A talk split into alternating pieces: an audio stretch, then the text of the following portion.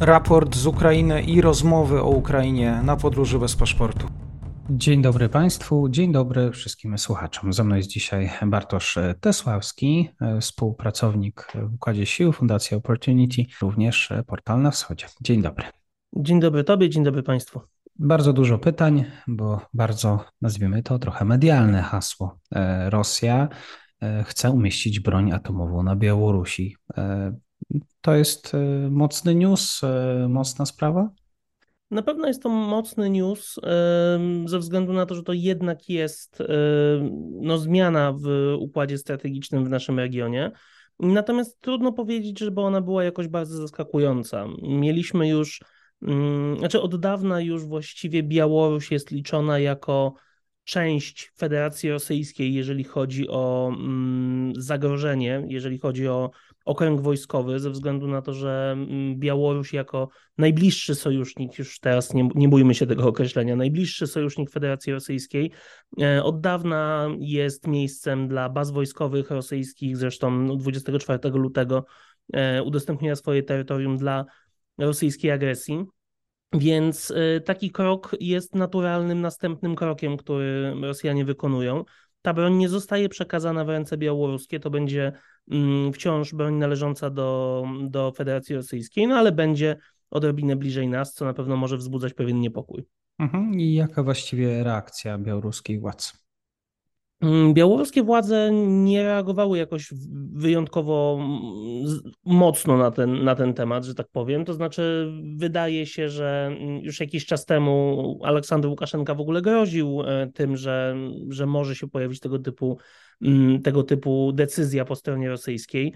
Jest to zresztą zgodne i spina się z tą narracją białoruską pod tytułem My, my jesteśmy zagrożeni, Zachód usiłuje nas wciągnąć w wojnę w związku z czym tutaj no, tego typu, nazwałbym to nuklearne odstraszanie, będzie uzupełnieniem tego, że skoro Aleksander Łukaszenka tak bardzo boi się zachodniej agresji, no to teraz być może będzie się bał trochę mniej.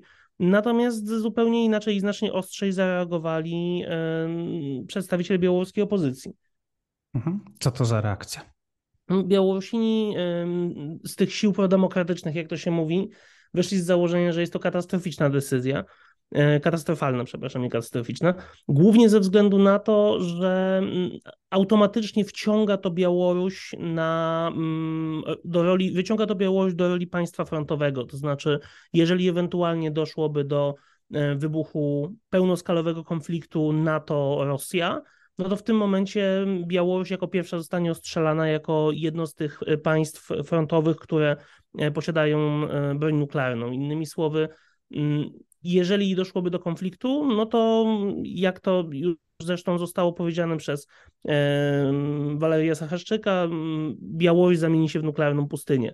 Więc będziemy mieli sytuację, w której to przede wszystkim na terytorium Białorusi będą spadały pierwsze, pierwsze rakiety, no i tam de facto będzie, będzie toczyła, się ta, toczyła się ta potencjalna przyszła wojna, co nie umiejscawia Białorusi w, jakiś, w jakimś pozytywnym miejscu, jeżeli taki konflikt faktycznie miałby wybuchnąć.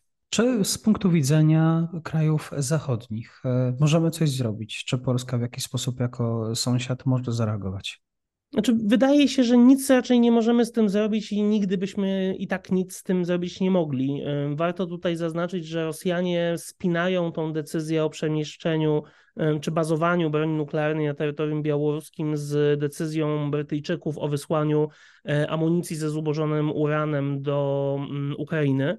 Więc jest to jakaś taka ich swoista retorsja, bo Rosjanie, chociaż jakby wszyscy, którzy nawet tacy laicy jak ja mniej więcej ogarniają o co chodzi z bronią nuklearną i o co chodzi z bronią ze zubożonym uranem, wiedzą, że to nie jest w żaden sposób proliferacja broni nuklearnej, no to można to fajnie sprzedać, że jeżeli tam jest uran, no to w tym momencie to jest e, oddawanie Ukraińcom niemalże broni nuklearnej i w związku z powyższym my swoją też możemy komuś przekazać, bo taka mniej więcej narracja występowała po stronie rosyjskiej. Mm, no to jest jakaś próba ze strony rosyjskiej e, eskalacji, ale Zachód moim zdaniem powinien po prostu postępować, czy Zachód, czy my jako Polska powinniśmy postępować tak, jak postępowaliśmy i nic nie powinniśmy zmieniać, ze względu na to, że już nawet po, tych, po skali tych eskalacji widać, że Rosjanie już nie mają czym, czym grać wyżej. I to, to jest od jakiegoś czasu bardzo widoczne, że groźby rosyjskie, które kiedyś były bardzo powszechne przecież, nieustannie byliśmy straszeni tym, że spotkamy się z jakąś gwałtowną odpowiedzią albo zostaniemy, zetrzeni, zostaniemy starci z mapy świata i tak dalej, i tak. Teraz już te groźby nie występują, więc jeżeli po mm, tylu miesiącach jedne, co Federacja Rosyjska była w stanie wyprodukować, to jest przeniesienie broni nuklearnej na Białoruś, no to to już pokazuje, że, że z tych kart, które miała w ręku, większość tych mocniejszych już po prostu zgrała. Doradca prezydenta Ukrainy Michał Podołak ocenił, że Putin jest bardzo przewidywalny i przyznaje tym samym, że się boi. Tutaj cytat, Kreml wziął Białoruś jako nuklearnego zakładnika, czyli potwierdzenie tego, co też e, dzisiaj mówiłeś. Dziękuję za ten krótki komentarz. Bartosz Tesławski. Dzięki, do usłyszenia.